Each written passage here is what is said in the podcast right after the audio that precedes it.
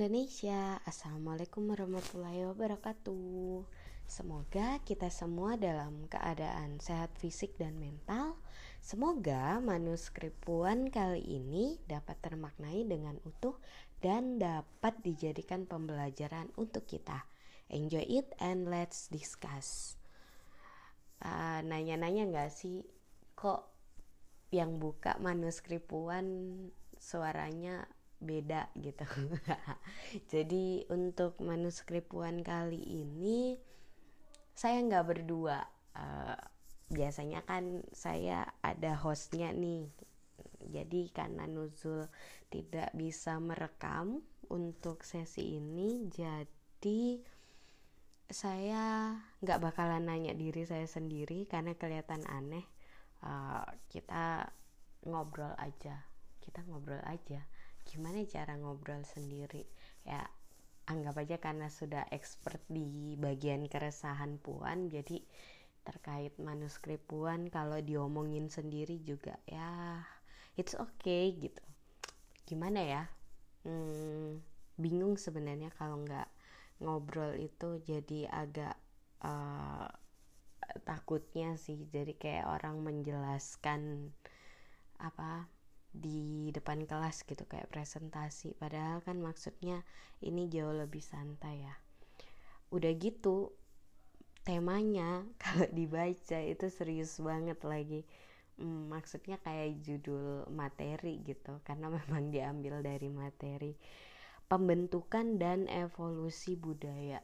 Hmm, oke okay, ini kayak ada dua bagian ya emang dua bagian bagaimana pembentukan budaya, kemudian bagaimana evolusi budaya. Hmm, pembentukan, emang budaya dibentuk ya, atau gimana? Kalau kalian ingat sama uh, keresahan yang episode 1 itu kan saya sempat nerangin tuh what is budaya gitu, culture. Jadi karena budaya itu uh, satu bentuk nilai yang di sana ada cara berpikir uh, mengekspres mengekspresikan perasaan kemudian bertingkah laku yang mana value ini uh, diajarkan secara turun temurun dari generasi ke generasi. Dari jadi uh, budaya diajarkan klunya ya. Uh, sebel, uh, sebelum ini diajarkan secara turun temurun itu uh, terjadi pembentukan pembentukan apa ya? Gimana ya maksudnya?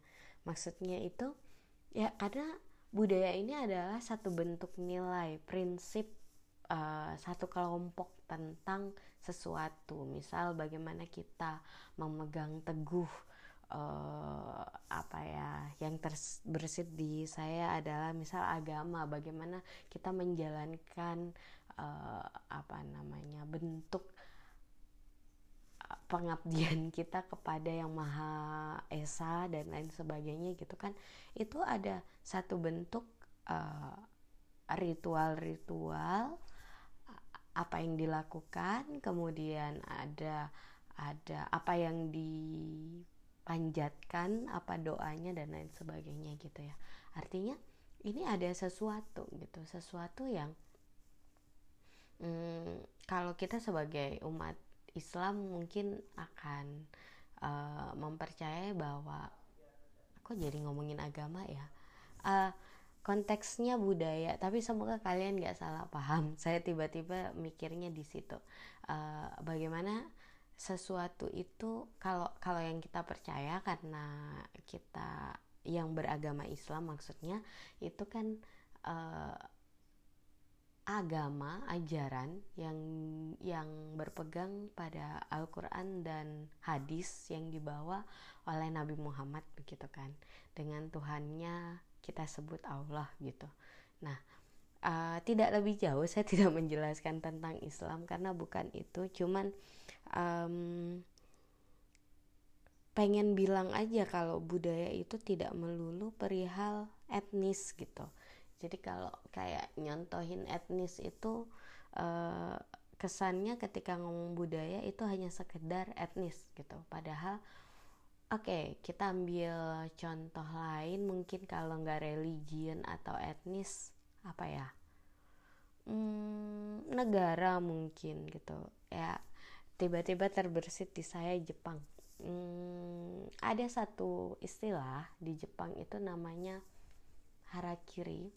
Itu semacam bentuk terakhir mempertahankan harga diri dengan membunuh diri sendiri gitu uh, saya kira uh, kita bisa menyebut karena itu nilai ya nilai bahwa uh, yang namanya individu uh, kita harus punya harga diri dan ketika uh, kita sudah melanggar janji mungkin atau melakukan pengkhianatan atau apalah itu gitu ketika kita sudah menjatuhkan harga diri kita sendiri maka kita harus membunuh diri kita gitu. Itu kan konsepnya ya. Maksud saya hmm, hal itu gitu ditanamkan ke orang-orang yang hidup lahir tumbuh dan meninggal di sana gitu secara turun temurun dari generasi ke generasi. Yang seiring berjalannya waktu itu mengalami perubahan mungkin mengalami apa namanya perubahan di sini bisa jadi lebih berkembang bisa jadi uh, apa namanya hmm, jadi bergeser dan lain sebagainya gitu ya eh, nilai-nilai uh, ini. Karena memang yaitu budaya itu dibentuk oleh kita individu-individu yang memiliki budaya tersebut gitu. Kalau konteksnya tadi Jepang berarti ya orang Jepang gitu. Kalau konteksnya Indonesia ya orang Indonesia. Ketika kita ngomong etnis nanti misalkan uh, Jawa, Sunda gitu.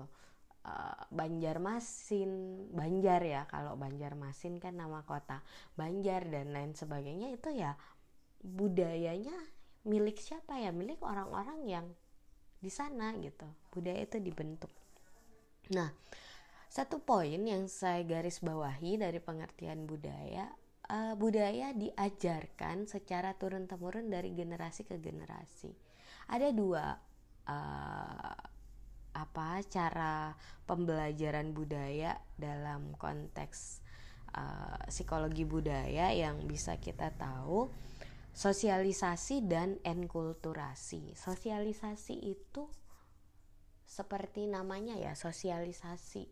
Kita uh, biasanya tuh kalau orang ngomong sosialisasi itu uh, memberikan apa? edukasi atau penjelasan tentang sesuatu gitu. Nah, sosialisasi di sini maksudnya proses belajar yang uh, secara langsung dan disengaja oleh agen budaya untuk tujuan uh, mengajarkan, memberitahu seperti apa budaya itu gitu. Misal tadi um, bagaimana um, seseorang harus mempertahankan harga dirinya gitu. Dan ketika uh, harga dirinya dia coreng sendiri maka dia harus bunuh diri. Ya ya kayak gitu ya.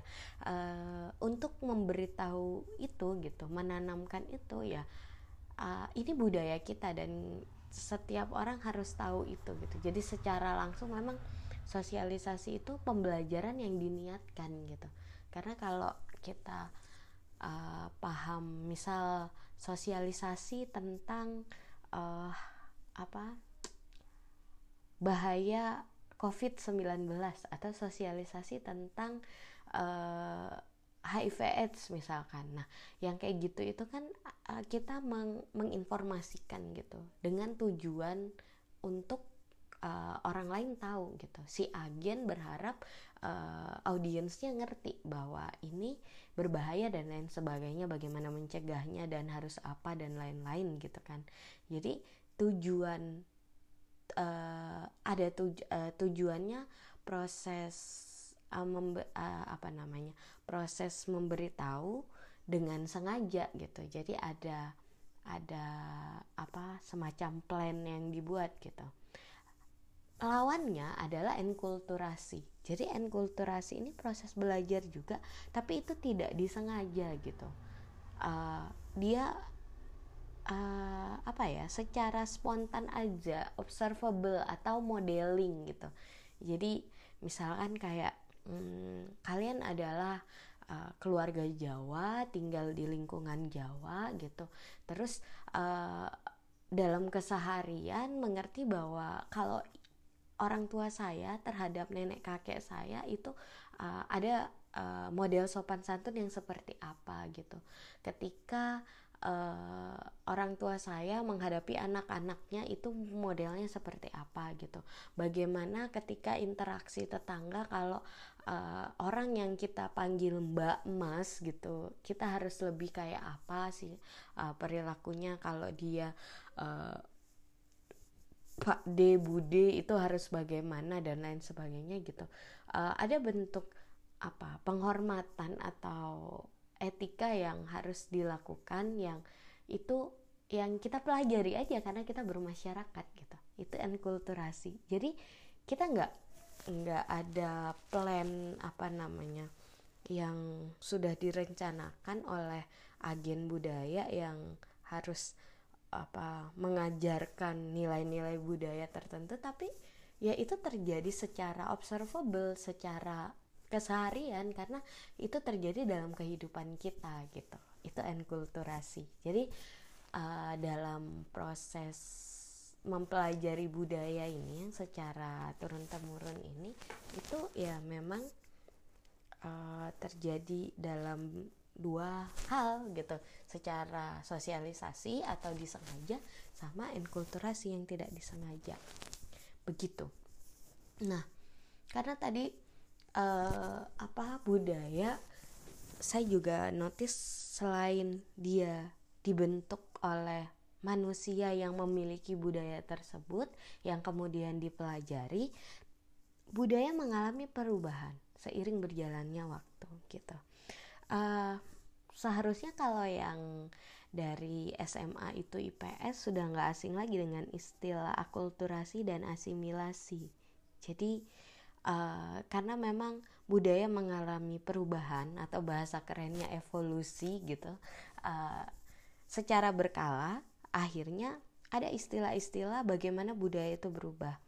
Uh, bisa akulturasi bisa asimilasi dan saya tambahkan separasi dan marginalisasi. Ya jadi um, seharusnya kita sudah nggak asing lagi dengan istilah akulturasi dan asimilasi. Artinya ketika budaya bercampur gitu banyak budaya dua atau lebih budaya bercampur maka akan terjadi kemungkinan dua hal gitu. Jadi evolusinya itu akan terjadi dua hal. Pertama akulturasi yang kedua asimilasi. Akulturasi di mana ketika uh, berbagai budaya dua atau lebih bercampur dan kemudian dia membentuk budaya baru. Nah, kalau dia membentuk budaya baru itu semacam kalau dalam istilah uh, akademik itu ketika sintesis bertemu antitesis dia akan menjadi sintesis baru gitu. Kira-kira mirip gitu. Itu akulturasi. Karena uh, biasanya ya akulturasi sama asimilasi ini uh, sering di Indonesia terutama dengan uh, adanya pernikahan-pernikahan yang multikultural atau uh, dari lintas budaya yang berbeda gitu. Nah, misal nih kayak di keluarga saya itu kan hmm, bapak saya Bugis, ibu saya Cina. Terus kita tinggalnya di Kalimantan. Nah, itu oh itu campur aduk banget, banyak banget budaya yang tercampur di sana. Belum lagi kalau kita ngumpul hari besar nih extended family yang ada om tante pak de bude dan lain sebagainya itu kakek nenek uh, saudaranya kakek nenek dan lain-lain itu nah itu udah banyak banget gitu kalau kita ngomong etnis aja terus di keluarga ibu saya malah kalau kita ngomongin budaya nggak cuma pen pencampuran etnis tapi pencampuran uh, agama gitu. Maksudnya uh, akan menemukan banyak kepercayaan yang berbeda gitu. Wes kayak Indonesia Raya wes banyak pencampuran kok jadi bahasa Jawa? Banyak pencampuran agama yang berbeda kemudian etnis yang berbeda dan lain sebagainya. Nah ketika uh, pencampuran ini terjadi gitu. Dan dia menciptakan budaya baru mungkin anggap aja itu culture keluarga Iva gitu. Nah itu itu apa ya? Ya itu dia akan uh, budaya yang beda. It's not Bugis uh, it's not Cina gitu. Bukan Chinese bukan Bugis gitu. Tapi ya keluarganya Iva gitu. Karena uh, mencampurkan budaya ini dan lain sebagainya gitu. Kemudian istilah lainnya asimilasi. Asimilasi ini uh, ketika dua atau lebih budaya bercampur tapi dia tidak membentuk budaya baru gitu. Dia uh, berjalan atau uh, istilah asiknya harmonisasi. Istilah asik. Maksudnya kalau akulturasi itu kan sama-sama ya uh, it's different. Uh, bukan budayamu bukan budayanya bukan budaya kalian gitu ya. Akan jadi satu yang baru. Sementara kalau asimilasi ya uh, kamu punya tradisi saya punya tradisi ya udah kita jalan dengan tradisi kita. Um, itu banyak terjadi pada um, pernikahan beda agama. Yang terbersit di saya contoh paling sederhana itu. Pernikahan beda agama. Uh, ketika uh, kan kalau misalkan di apa namanya keluarga saya akhirnya ibu saya kan dulu Katolik terus akhirnya masuk Islam.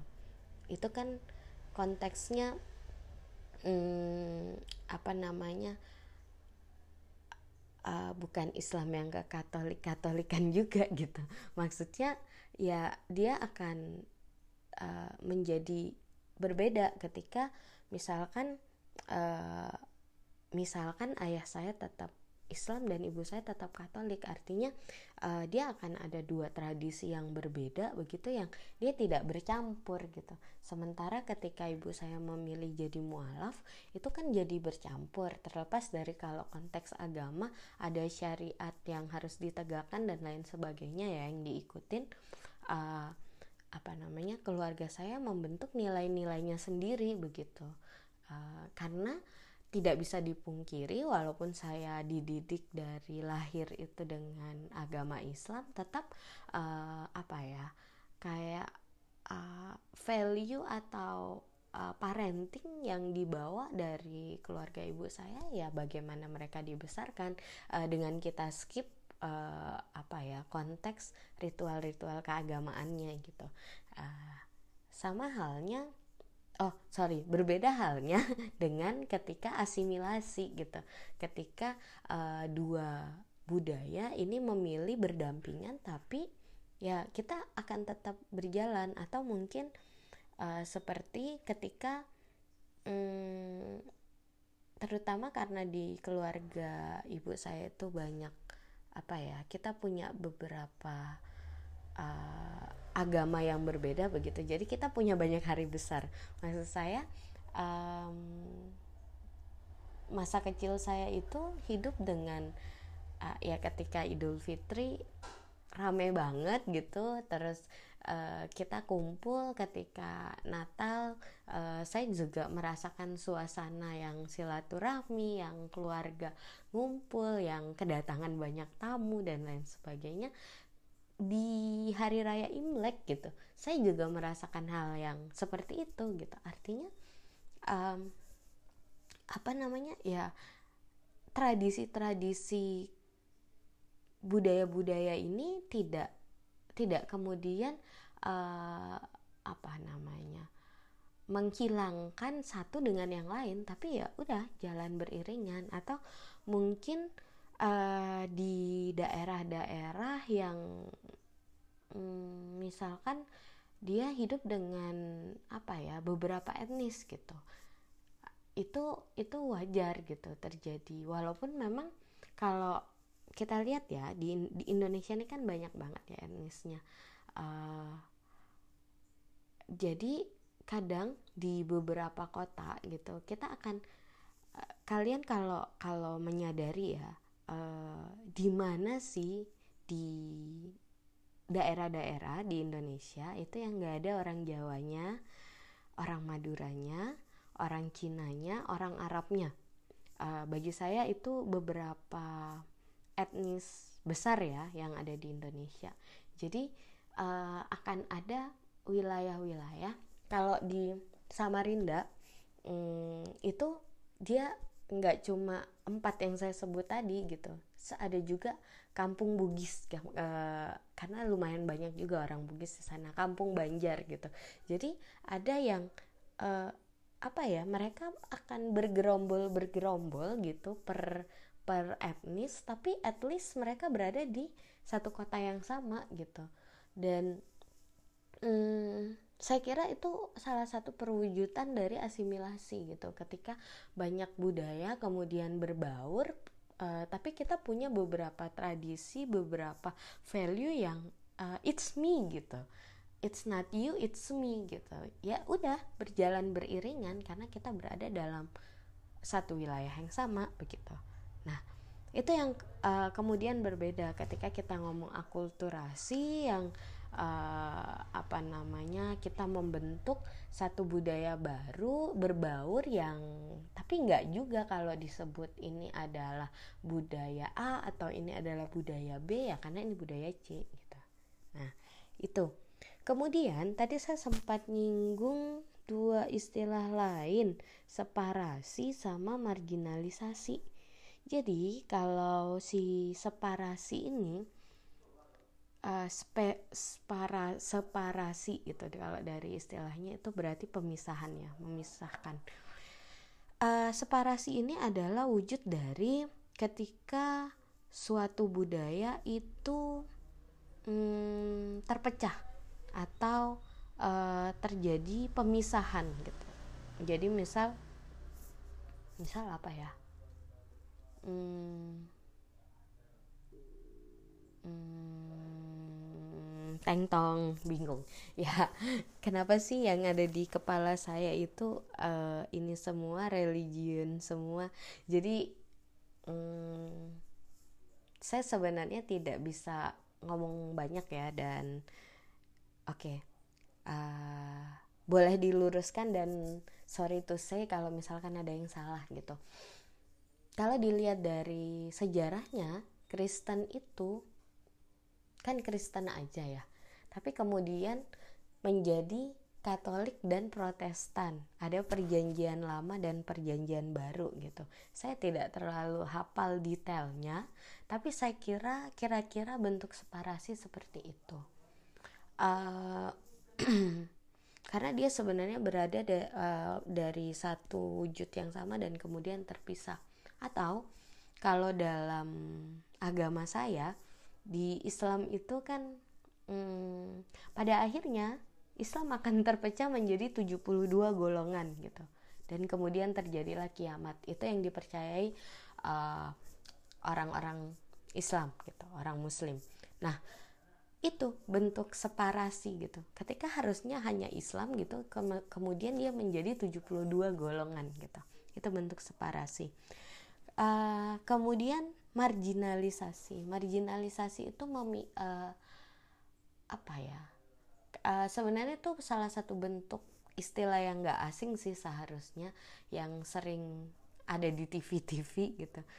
Uh, kaum terpinggirkan gitu kira-kira gitu marginalisasi. Jadi uh, ketika itu tuh bisa terjadi karena etnosentris. Kalau kalau ingat di manuskrip pertama episode 1 maksudnya saya ada menyinggung tentang etnosentris. Bagaimana uh, individu manusia itu cenderung membanggakan budayanya sendiri gitu. Value dari kelompoknya. Nah uh, ketika etnosentris terjadi itu akan akan memunculkan marginalisasi terhadap kelompok-kelompok yang minoritas gitu karena marginalisasi ini adalah uh, mengesampingkan atau uh, apa ya bahasa sederhananya tidak menganggap tidak menganggap satu kelompok tertentu gitu. Karena dianggap minoritas gitu itu marginalisasi meminggirkan gitu. Uh, apa namanya menyudutkan memojokkan kira-kira yang seperti itu. Nah uh, itu sering terjadi ketika kita ngomong konteks uh, apa namanya hierarki sosial di kota besar gitu. atau kaya dan miskin gitu. Nah, itu akan kita akan menemukan uh, apa namanya? sekelompok daerah elit atau daerah daerah apa? daerah yang asri begitu dan kita akan menemukan sudut-sudut kota yang kumuh gitu. Nah, itu salah satu bentuk marginalisasi gitu. Apakah value-nya berbeda gitu? Uh, pastinya iya gitu karena mereka besar dari lingkungan yang berbeda. Bagaimana mereka memandang lingkungan dan sekitarnya itu pasti juga berbeda gitu. Dan hmm, budaya memang begitu gitu. Dia akan membentuk kognitif emosi dan tindakan seseorang gitu. Dan akan diajarkan secara turun temurun gitu. Tapi dia berubah gitu. Dia bisa berubah. Kenapa dia bisa berubah? Karena individu dinamis.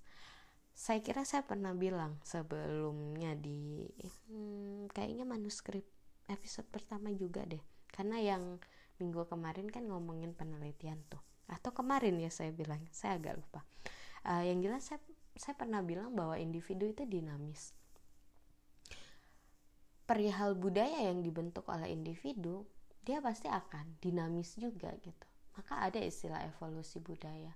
Terlepas uh, perubahan ini terjadi karena seiring berjalannya waktu ya akan terus ada pertumbuhan dari individu itu sendiri terus uh, bagaimana perkembangan teknologi sekarang yang uh, lintas antara satu daerah dan daerah lain itu sangat mudahnya gitu. Kita berpindah dari satu tempat ke tempat lain sangat mudahnya gitu. Media internet, kemudian transportasi yang sudah modern dan lain sebagainya gitu. Ya, normal evolusi budaya terjadi, budaya berubah gitu. Dan uh, ke arah mana? Apakah dia akan terjadi harmonisasi malah menjadi separasi kemudian marginalisasi atau akulturasi atau asimilasi gitu? Itu pasti terjadi gitu. Yang pasti uh, salah satu cara kemudian agen-agen budaya tetap mempertahankan budayanya yang pasti berevolusi ini ya akan terus melakukan sosialisasi dan terjadi enkulturasi. Uh, selama manusia nggak terpikir untuk hidup sendiri sendiri sendiri gitu enkulturasi pasti terjadi. Karena ketika kita berada di tengah-tengah masyarakat sedikit banyak kita akan menginternalisasi uh, norma sosial tradisi yang ada di lingkungan tersebut gitu. Jadi enkulturasi pasti terjadi kalau ada masyarakat atau terjadi uh, interaksi antar uh, individu-individu di satu kelompok satu daerah gitu. Kemudian kalau sosialisasi ya jangan sampai budayanya punah gitu. Jadi kenapa Indonesia kemudian menetapkan hari batik begitu? Uh, kenapa uh, dalam beberapa event-event nasional dan internasional Indonesia memperkenalkan berbagai tarian tradisionalnya. Uh, kenapa modifikasi-modifikasi masakan itu tetap apa namanya um, menyentuh apa sih rempah-rempah tradisional yang terus uh, kenapa sajian-sajian di hari-hari besar uh, di Indonesia itu menggunakan makanan-makanan khas gitu. Untuk daerah itu itu salah satu bentuk sosialisasi gitu. Kita uh, terus mengajarkan dari generasi ke generasi bahwa ini loh yang kita punya gitu. Ini adalah budaya kita ini adalah tradisi kita ini adalah nilai kita. Begini cara kita berpikir merasa dan kemudian bertindak gitu. Jadi kira kira-kira seperti itu tentang tema hari ini. Karena memang uh, budaya yang kita bentuk ini suka tidak suka seiring bertumbuhnya individu-individu yang ada di dalam kelompok-kelompok tersebut pasti sedinamis individu itu sedina, sedinamis itu pula budaya berevolusi. Entah dia akan membentuk seperti apa entah alkulturasi, asimilasi, separasi atau marginalisasi. Kira-kira seperti itu untuk kali ini semoga tidak cukup bulat karena uh, saya tidak menemukan partner buat apa uh, ngobrol. Jadi maksudnya uh, takutnya ini jadi satu perspektif aja ya di saya gitu. Uh, insya Allah minggu depan kita uh, bungkus manuskrip dengan ngobrol-ngobrol santai lagi. Oke, terima kasih. Semoga sedikit ini bermanfaat buat kita. Saya akhiri. Wassalamualaikum warahmatullahi wabarakatuh. Ayo bertumbuh. thank you